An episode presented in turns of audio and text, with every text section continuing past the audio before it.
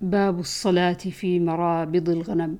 عن أنس قال كان النبي صلى الله عليه وسلم يصلي في مرابض الغنم ثم سمعته بعد يقول كان يصلي في مرابض الغنم قبل أن يبنى المسجد.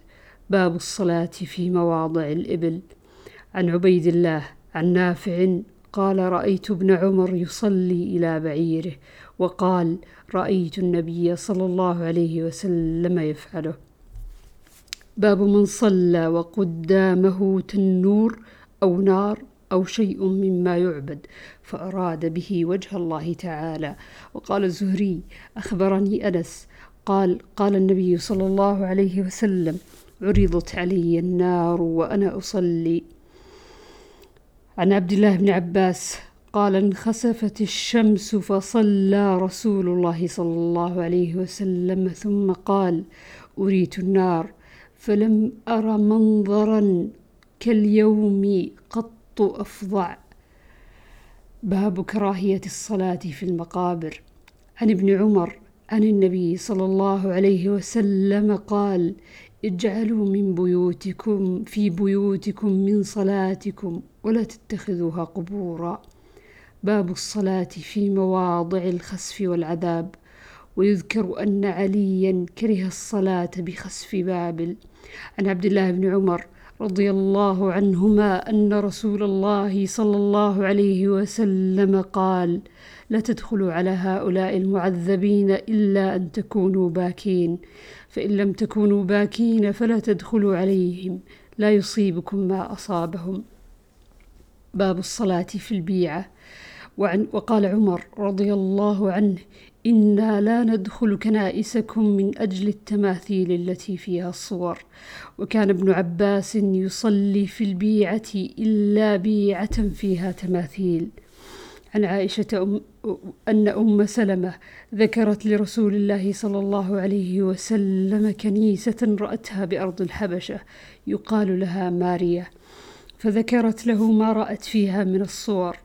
فقال رسول الله صلى الله عليه وسلم أولئك قوم إذا مات فيهم العبد الصالح أو الرجل الصالح بنوا على قبره مسجدا وصوروا فيه تلك الصور. أولئك شرار الخلق عند الله تعالى. باب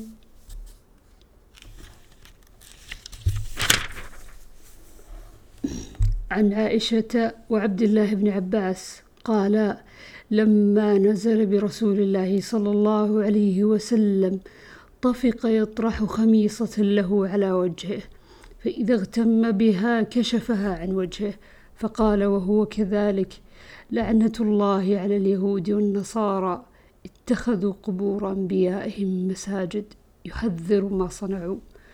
وعن أبي هريرة أن رسول الله صلى الله عليه وسلم قال قاتل الله اليهود اتخذوا قبور أنبيائهم مساجد.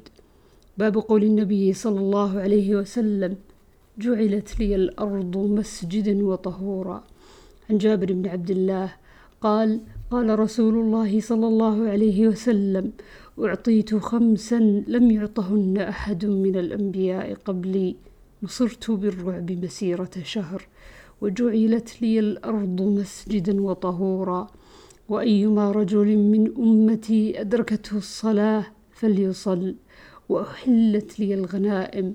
وكان النبي يبعث إلى قومه خاصة وبعثت إلى الناس كافة وأعطيت الشفاعة.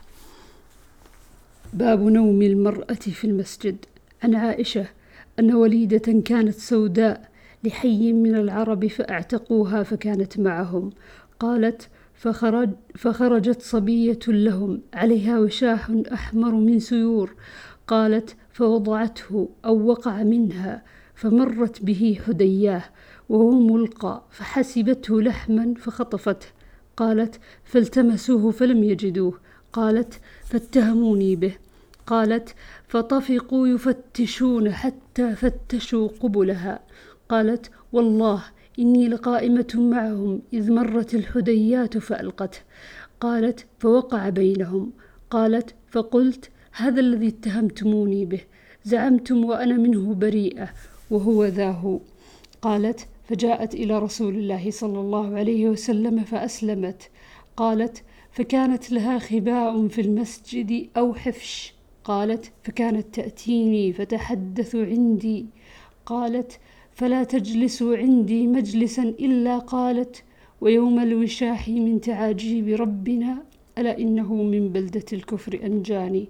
قالت عائشة فقلت لها ما شأنك لا تقعدين معي مقعدا إلا قلت هذا؟